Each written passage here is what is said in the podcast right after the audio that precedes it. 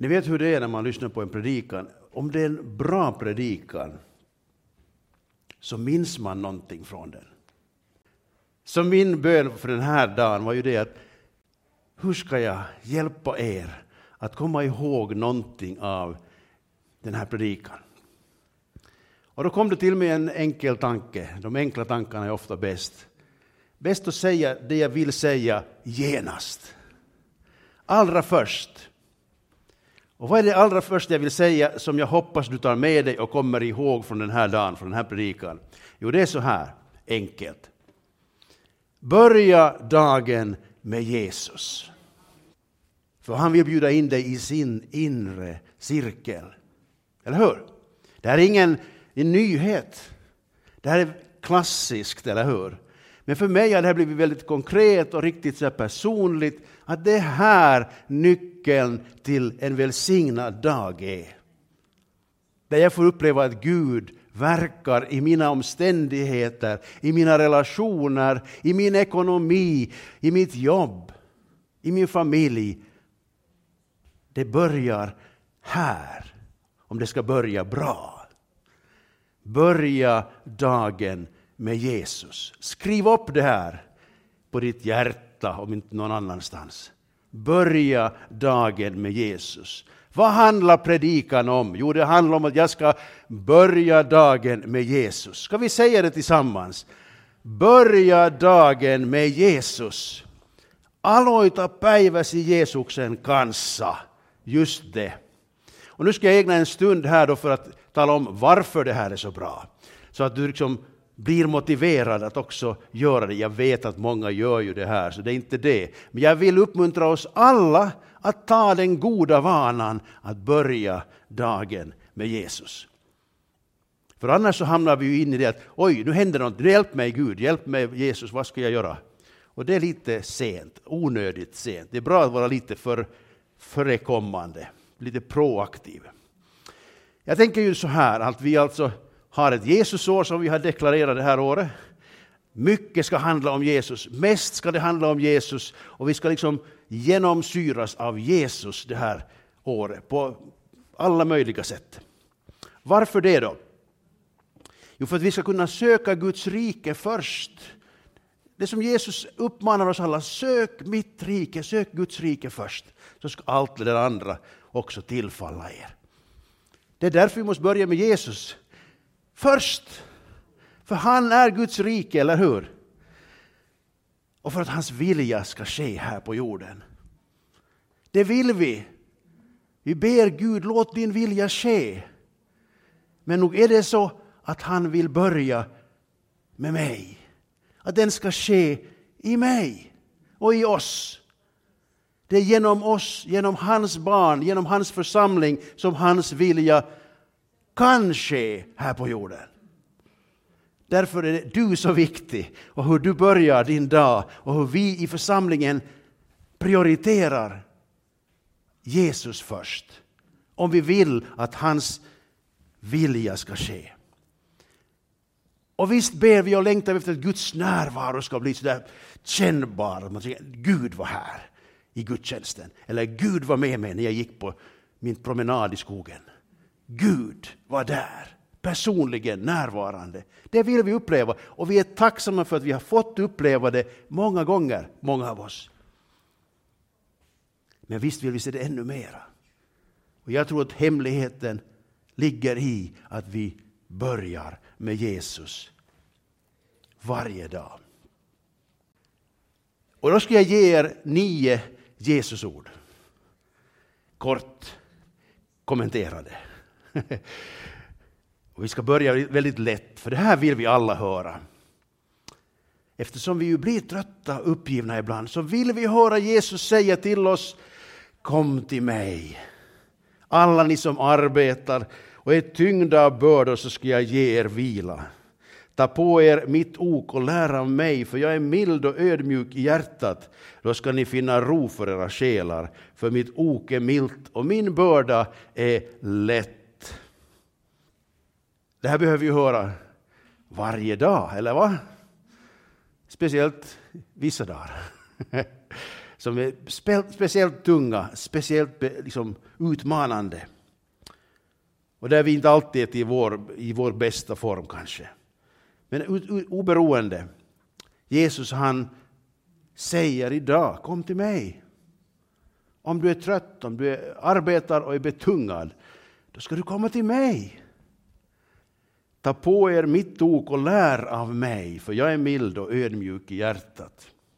Det händer någonting när man är hos Jesus. Man blir påverkad av honom. Och det här är vad han vill påverka oss med. Mildhet ödmjukhet i hjärtat. Och så finns det ett ok här som vi inte ska gå in desto mera. men han, han säger vi byter ut de här bördorna.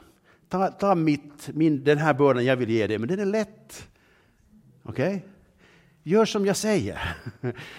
Gör som jag säger, så ska du få frid i ditt hjärta. Okej? Okay?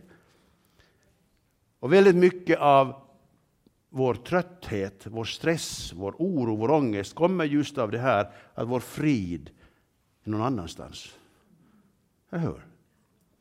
Men när Guds frid regerar i våra hjärtan, då blir också vårt liv lättare, eller hur? Så där börjar vi idag, men vi går ju naturligtvis snabbt vidare. För här är ändå på något vis de här riktigt viktiga sakerna som Jesus vill undervisa oss också idag. Att det allra viktigaste för mig när jag hör Jesus säga kom till mig, det är att vi, vi får kontakt med källan till livet. Och Jesus han säger väldigt tydligt, det är den helige Ande som ger liv. Det är den helige Ande som ska vara som en källa inom er som strömmar fram.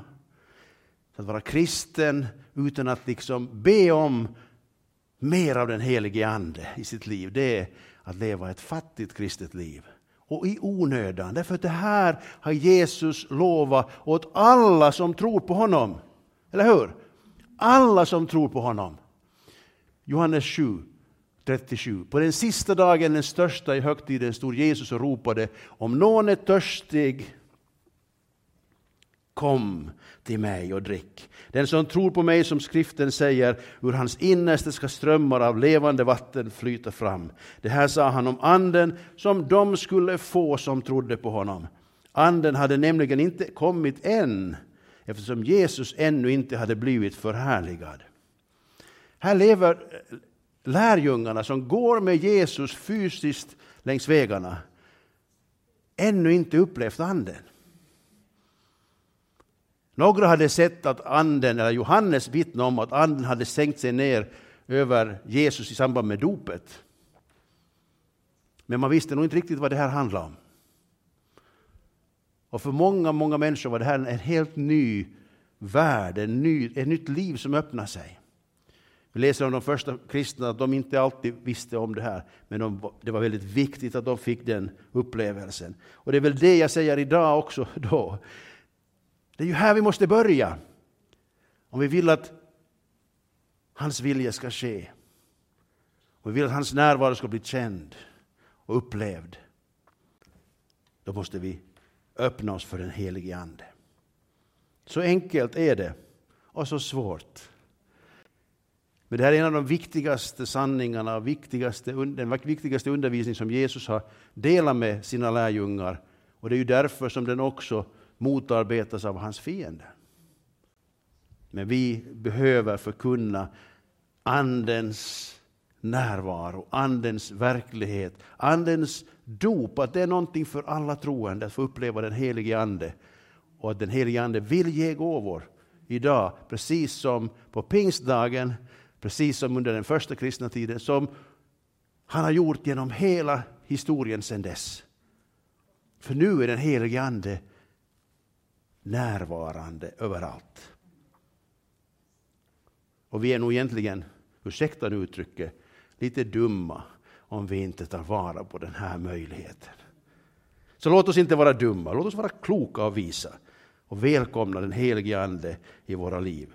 Det är den allra viktigaste upptäckten, för det här är den största gåvan en människa kan få, nämligen att få kontakten med Gud inombords. Det är förunderligt, det är ett mysterium. Hur Gud kan ta sin boning i en liten människa. Hur Gud kan kommunicera med en enkel liten människa. Men det står om att han vet vad vi tänker. Och han vill dela sina tankar med oss. Paulus säger, vi har fått Kristi sinnelag. Vi är inte framme, vi är inte fullkomliga, det vet vi väldigt bra. Men vi är på väg åt det hållet. Och vi har fått tag i den här avgörande förändringen i vårt liv, när den helige Ande kommer in i våra liv. Nummer tre. Vad är det som Jesus säger för att liksom det här allt ska ske som vi längtar efter? Han säger följ mig. Vi kan läsa från Markus 1, 16-20 om hur han börjar den här följ mig-kallelsen. När Jesus alltså gick längs Galileiska sjön såg han Simon och hans bror Andreas. De stod och kastade ut nät i sjön för de var fiskare.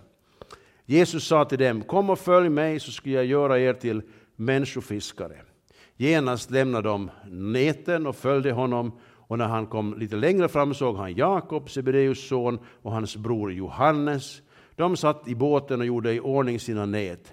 Genast kallade han på dem och de lämnade sin far Sebedeus i båten med arbetarna och följde Jesus. Jesus kallar människor och det kan hända att de kallas från någonting till någonting. Eller va? De var fiskare, höll på att dona där med nätena, så som deras fäder hade gjort och kanske förfäder i flera generationer. Och plötsligt kommer då en man och kallar dem in i ett helt annorlunda liv. Men någonting hade hänt, vi vet inte om det hade varit en process tidigare, eh, vi kan ana det eftersom Andreas åtminstone hade lyssnat noga på vad Johannes hade talat. Så det var en, en, ett andligt sökande, det var en längtan efter Guds rike, efter Messias, att Messias skulle komma som liksom puttrade i grytan i den här gemenskapen. Och när Jesus kommer och säger följ mig, så då var de beredda att följa. De var beredda att lämna någonting för att gå med honom och se vart ska det här ta mig. Inte visste de vart det här skulle leda. Och det är lite av den här äventyraren som jag skulle vilja uppmuntra i oss alla. Att våga lita på att Jesus, när han säger följ mig, så tar det mig någonstans dit jag inte hade planerat själv. Men det är bättre än någonting av vad jag kunde själv hitta på. Och våga lita på att han vet vart han för mig. Eftersom han ju är den gode herden, eller hur?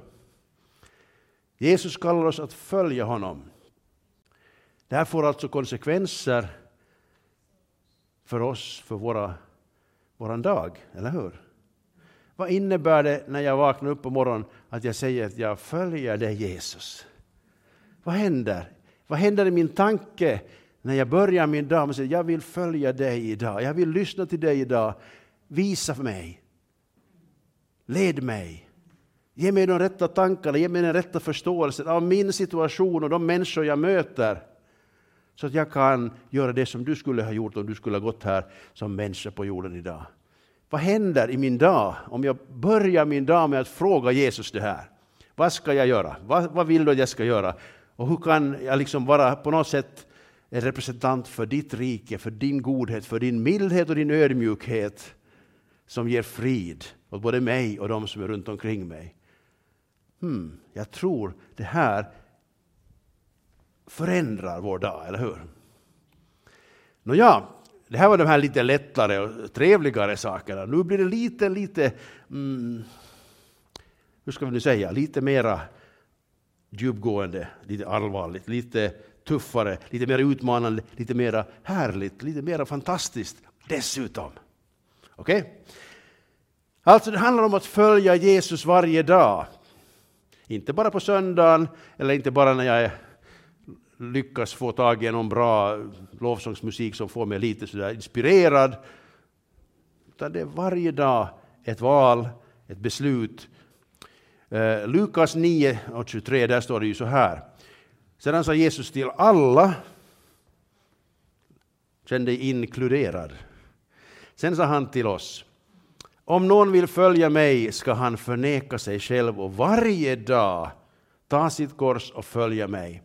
Den som vill rädda sitt liv ska mista det, men den som mister sitt liv för min skull, han ska rädda det. För vad hjälper det om en människa vin, om hon, vad hjälper det en människa om hon vinner hela världen men mister sig själv eller går förlorad? Mitt ok är lätt, min, hur var det, milt. Varje dag tar sitt kors på sig. Det är lite olika perspektiv vi tänker naturligtvis, eller hur?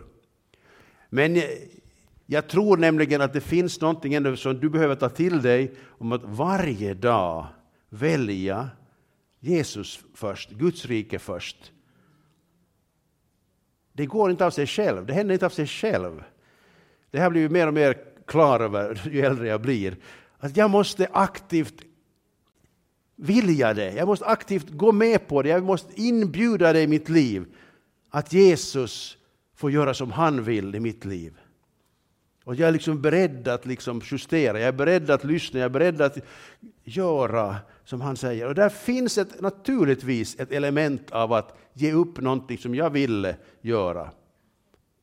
Det finns ett kors om man vill uppleva uppståndelsekraften. Det finns ett kors om man vill uppleva härligheten. Det finns ett kors att ta på sig varje dag. Och jag tror det är lite olika för olika människor. Vad är ditt kors? I don't know. Jag vet inte det. Men jag tror att när du börjar tänka så här att Jesus, vad är din vilja? Vad, vad, vad vill du med mig? Så finns det saker man måste välja mellan. Hur prioriterar jag min tid? Vad gör jag med min dag? Under min dag? Vi kan säga så här, det finns ett lätt litet kors som man kan börja med, träna på. Och det är att läsa Bibeln varje dag, på morgonen. Jag har, jag har sagt det här många gånger förut, men jag, jag, säger det igen för jag tycker det är så bra. Att åtminstone jag till sist har förstått det här, att det är bra för mig att mata mig själv med Guds ord varje dag. Och fast jag är en sån här nyhetsjunkie, eh, vad heter det, eh, att jag alltid tycker om att scrolla nyheter och gör det väldigt mycket, allt för mycket, så, så är jag noga med att jag börjar dagen med att lägga ett lager med Guds ord. Ibland är jag läst för sömnig för att förstå vad jag läser. Men jag tror att den här själva goda vanan matar mig ständigt, regelbundet, med lite till och lite till. Och ibland så blir det en aha-upplevelse, ibland är det, ja men det här var precis vad jag behövde just den här dagen, den här veckan. Men det, det är ett, ett litet kors att ta sig den där vanan. Lyckligtvis har vi ett Bibeln på, på, telefonen, så det är väldigt enkelt. Var du än är kan du börja dagen med, med att läsa Guds ord. Ta det korset, det leder till goda frukter, god, gott resultat. Jag har också den, den förmånen att jag har 20 minuter till mitt jobb.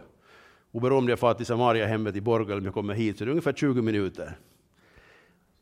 Också då, det första som händer, att man liksom får sätta sig ner i sin, sin bil och vara ensam. Stänga av Radio Vega. Jag säger Jesus, nu är det igen en ny dag, jag är jättetrött. Men att, eh, jag, jag vill ändå dela det här med dig. Vad vill du dela med mig? Och så har vi en litet samtal med Gud längs vägen. Och många gånger så välsignar jag naturligtvis min familj, men jag välsignar också församlingen, jag välsignar mina eh, kollegor och mina, mina, de här klienterna och så vidare. Och på något vis så känns det gott att möta vad än man möter när man vet att man har delat det här med Jesus. Som är intresserad av allt det där, som bryr sig. Fantastiskt att ha en sån vän genast på morgonen. Och Jesus han säger ju precis samma sak, det här har vi hört förut. Men han säger förbli i mig i Johannes 15. Förbli i mig så förblir jag i er. Liksom grenen inte kan bära frukt av sig själv om den inte förblir i vinstocken så kan den inte heller ni det om inte ni, om ni inte förblir i mig. Jag är vinstocken och ni är grenarna. Om någon förblir i mig och jag i honom så bär han rik frukt. Utan mig kan ni ingenting göra. Det är ganska radikalt sagt, eller hur? Det tar lite på mänsklig eh, stolthet. Nu kan jag göra allt möjligt. Och då glömmer vi naturligtvis allt det jag kan göra har jag ju redan fått av Gud tack vare honom. Utan honom så skulle jag inte kunna andas ens. Eller hur? Men också i det här andliga perspektivet, det här andliga livet i Guds rikes perspektiv så kan vi ingenting göra utan Jesus, säger Jesus nog väldigt tydligt åt oss. Så det är liksom ingen vits att försöka vara kristen utan Jesus. Och den hjälpare han har gett oss, den helige Ande. Det är liksom tungt att försöka göra det här utan Jesus. Men då säger han, det går att förbli i mig. Och när du förblir, när du väljer att förbli i mig så kommer jag att förbli i dig. Vilket fantastiskt löfte. Jesus vill förbli i dig. Det är hans inställning. Vad är din? Lite mera allvarsord från Jesus. Hur viktigt det är att lära känna honom som bror, som Herre, som Mästare, som vän och låta honom lära känna dig. Tänk det, att den allsmäktige guden, han som var med i skapelsen, han som uppehåller allt med sitt ord, han som regerar och som en gång ska komma i härlighet, han vill bli och vara din vän. Men han kan inte det om inte du släpper in honom i ditt liv. Eller hur? Och här säger Jesus att det kommer att finnas en period, eller det kommer under, under historien framöver här att finnas perioder där människor säger sig tro på Jesus, säger sig vara Guds representanter på jorden, säger sig vara andliga människor. Han säger det väldigt tydligt här, Matteus 20 och 21. Inte alla som säger Herre, Herre till mig ska komma in i himmelriket utan den som gör min himmelske fars vilja. Många ska säga till mig på den dagen, Herre, Herre, har vi inte profeterat med ditt namn och drivit ut onda andar med ditt namn och gjort många kraftgärningar med ditt namn? Men då ska jag säga dem sanningen. Jag har aldrig känt er. Gå bort ifrån mig, ni förbrytare. Ganska tuffa ord, eller hur? Människor som tror själva att de är Jesu lärjungar. Och i hans namn har de gjort de här sakerna som känns ju väldigt andliga, eller hur? Profeterat och drivit ut onda andar, gjort kraftgärningar. Och ändå säger Jesus, gå bort ifrån mig, jag har aldrig känt er. Så hur viktigt är inte att börja rätt i trons värld? Börja med att låta Jesus komma in och lära känna mig och jag får lära känna honom. Den här vänskapsrelationen, liksom, det är ju hela jotton, det är hela grejen. Inte det är det om vi är fromma eller utför alla de här goda gärningarna i sig, de är alla bra. Men det är ju inte det som avgör. Det som avgör det är om Jesus får bli din vän. Min vän, vår vän. Om man får lära känna oss på riktigt på djupet. Om vi delar hela vårt liv med honom. Oj, oj, vad jag vill att han ska säga åt mig. Jag har känt dig länge. Det behövs inget mer när vi kommer inför tronen än att Jesus känner oss. Må vi aldrig behöva höra det här flera gånger. Att Jesus säger, jag har aldrig känt er må vi få höra att Jesus säger, jag känner dig, kom in, kom, kom, kom. Mm. Allvarligt, så viktigt och så avgörande för vår framtid. Vi tar ännu ett litet avsnitt. Tre korta ord till. Det gäller alltså börja dagen med Jesus. Släppa in honom i vårt liv bli hans vän. Och Jesus säger också så här, den som lyssnar på mitt ord och gör som jag säger, lever livet utifrån vad jag undervisar, vad jag visar, vad jag lär dig och vad jag vägleder dig, kommer att ha ett välsignat liv. Där grunden håller, där det inte bara blir kaos, där det blir strid och elände, där, där hjärtat är fullt av oro och strid och fri, ofrid. Utan den som hör på, på mig, han liknar, säger han i Lukas 6. Den som kommer till mig och hör mina ord och handlar efter dem, jag ska visa er vem han liknar. Han liknar en man som byggde ett hus och grävde djupt och lade grunden på klippan. När översvämningen kom vräkte sig floden mot huset, men den kunde inte rubba det eftersom det var välbyggt. Den här berättelsen kan vi ju naturligtvis från tidigare. Hur viktigt det är att bygga sitt hela liv på den rätta grunden. Och då kommer vi igen tillbaka till det att Jesus är grunden.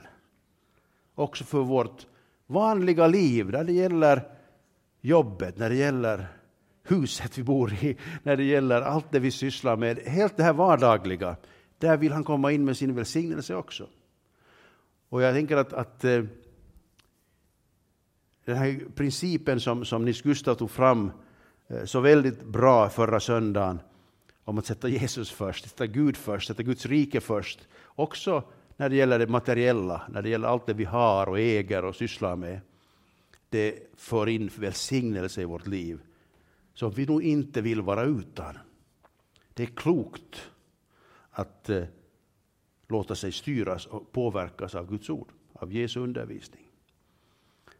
Då blir ditt livsbygge någonting som håller också när alla andra springer omkring som, tänkte säga, yra hönor. När det blir oro och kaos och jobbiga känslor och hatprat och allt som vi ser nu i samhället idag, våld och elände, ökar därför att människor inte söker Jesus först, inte sätter Jesus först, utan sätter sig själva först. Och det resulterar tyvärr i att hjärtat blir hårt och så orsakar man smärta till någon annan som orsakar smärta tillbaks. Och så blir det en kretsgång av hur man sprider det onda istället för att sprida det goda. Vi behöver många människor idag. Guds församling behöver vara frimodig med det Jag säger att vi har en källa som ger oss frid. Vi behöver inte slåss. Vi behöver inte tala illa om människor. Vi behöver inte vara elaka för att vi själva är så sårade, för vi får uppleva helande. Vi får vara i den här källan som ger oss liv, som ger oss ljus, som ger oss kraft, som ger oss en helt annan värdegrund och som ger oss ett mål för vårt liv som inte hänger på de där andra människornas beteenden. All right? För det, nämligen, Jesus är ju helt fantastisk. Han var fantastisk när han gick här som människa. Och han visar med sitt sätt att vara att det finns ett annat sätt att leva än det de flesta människor halkar ner i eller hamnar i. Och vi tar det här avsnittet från Johannes 13 som förbryllade lärjungarna väldigt mycket. Och det handlar ju då om när han alldeles här på slutet av sin, sin resa så att säga, innan han skulle gå till Golgata, har den här nattvarden som han instiftar, som vi just har firat.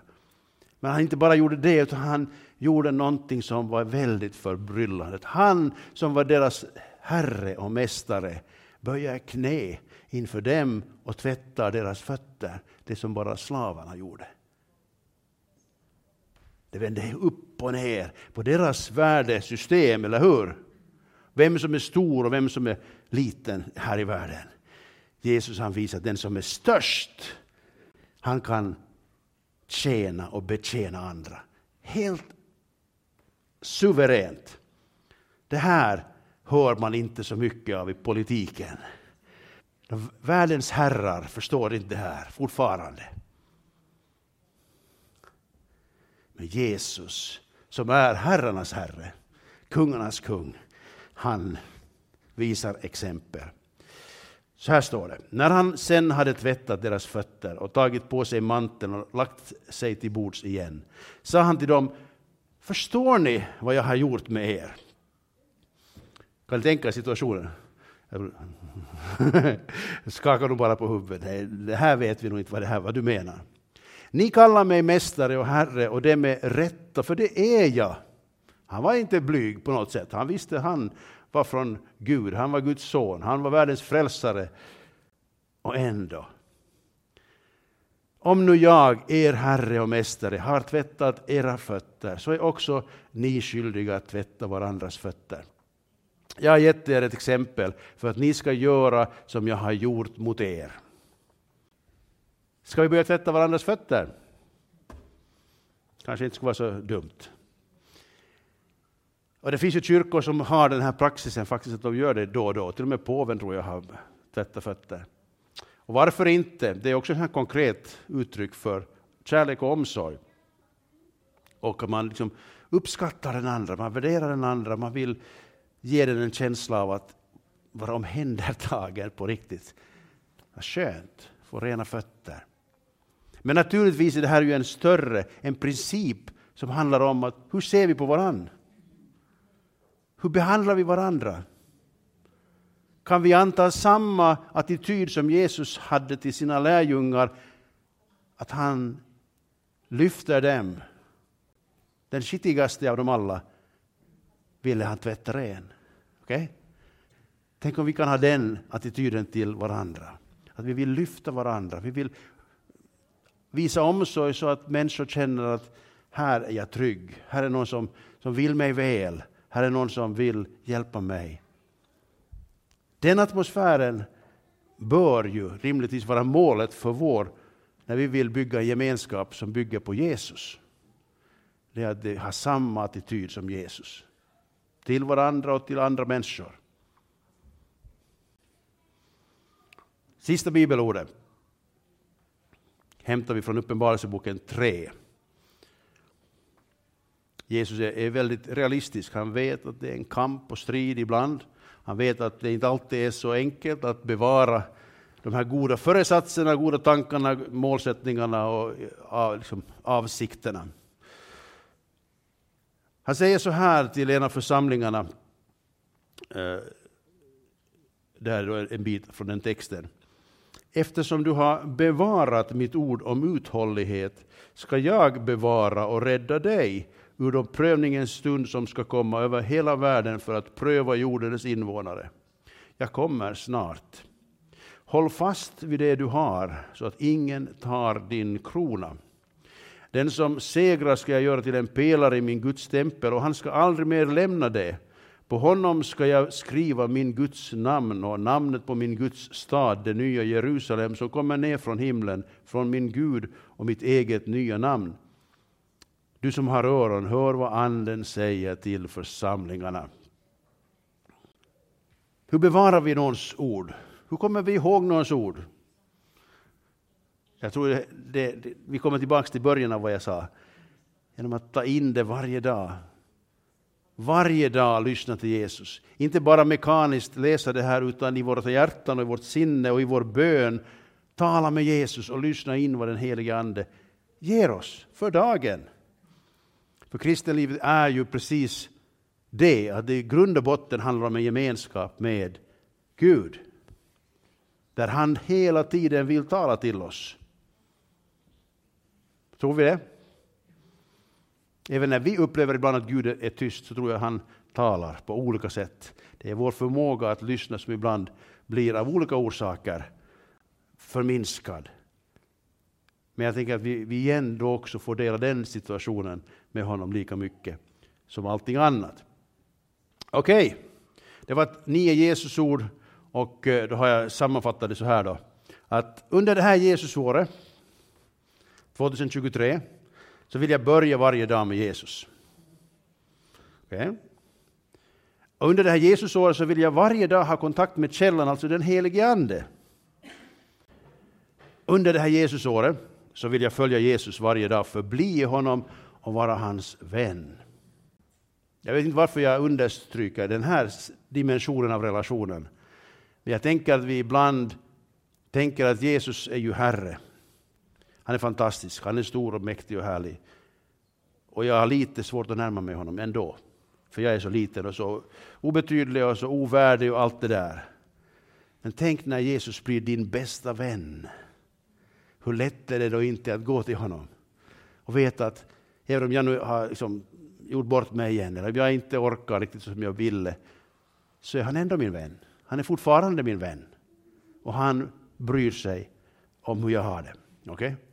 Så smaka på den här tanken att Jesus vill vara din vän, han vill lära känna dig och ditt liv. Och du får lära känna honom och hans liv. All right? För det är ju det man gör med vänner, man delar livet. Under Jesusåret vill jag varje dag bygga på hans ord och undervisning. Hur vi ta in liksom det här kloka som Jesus ger, ger oss och hans apostlar, Paulus och Petrus och hela köret. Och vi verkligen låter det komma in och påverka hur vi gör saker. Vad vi gör, var vi gör, när vi gör, med vem vi gör det. Låt det här året bli någonting där vi tränar oss i att applicera det som Jesus påminner oss om. Okej? Okay? Om du pratar med Jesus varje dag så påminner han dig om saker också. Okay? Under Jesusåret vill jag varje dag följa hans exempel. Om vi skulle komma till att du någon gång skulle tvätta någons fötter. Konkret eller bildligt. Bara den lilla biten. Men att i övrigt också ha samma attityd som han har till andra. Och under Jesusåret vill jag bevara hans ord och hålla fast vid det genom att varje dag lyssna till Anden som talar till oss genom ordet, i bönen och genom församlingens undervisning naturligtvis och samtal med andra Jesus troende. Okej, okay. vad har vi sagt idag? Börja dagen med Jesus. Ska vi säga det en gång till? Börja dagen med Jesus. Det är det vi vill, eller hur? Det är det vi förstår nu lite bättre igen. Att det här är ju hela grejen. Det här är det vi lever av, det är det här vi mår bra av och det är det här vi kan föra in i den här världen någonting gott, någonting ljust, någonting av kärlek och sanning och Guds närvaro. Ska vi be här avslutningsvis? Jag eh, hoppas att du bara talar med din vän och säger men det här vill jag ha mer av, det här vill jag uppleva mer av. Jag vill gå med dig, jag vill vara med dig. Jag vill mata mig med ditt ord, jag vill låta ditt ord bli det som styr mitt, mitt, min livs riktning och målsättning. Jesus, jag tackar dig för att du är på tronen. Tack för att du är herrarnas herre. Därför att du har vunnit seger över döden, över synden, över djävulen och du kallar oss ut ur det väldet in i ditt välde, i ditt rike, i ditt, ditt ljus, i din kärlek, i din frid, i din glädje. Jag tackar dig Jesus för att du idag påminner oss om att du vill dela hela livet med oss. Från morgon till kväll och däremellan. Tack Jesus för att du vill vara vår vän. Tack att vi får dela allt med vår vän.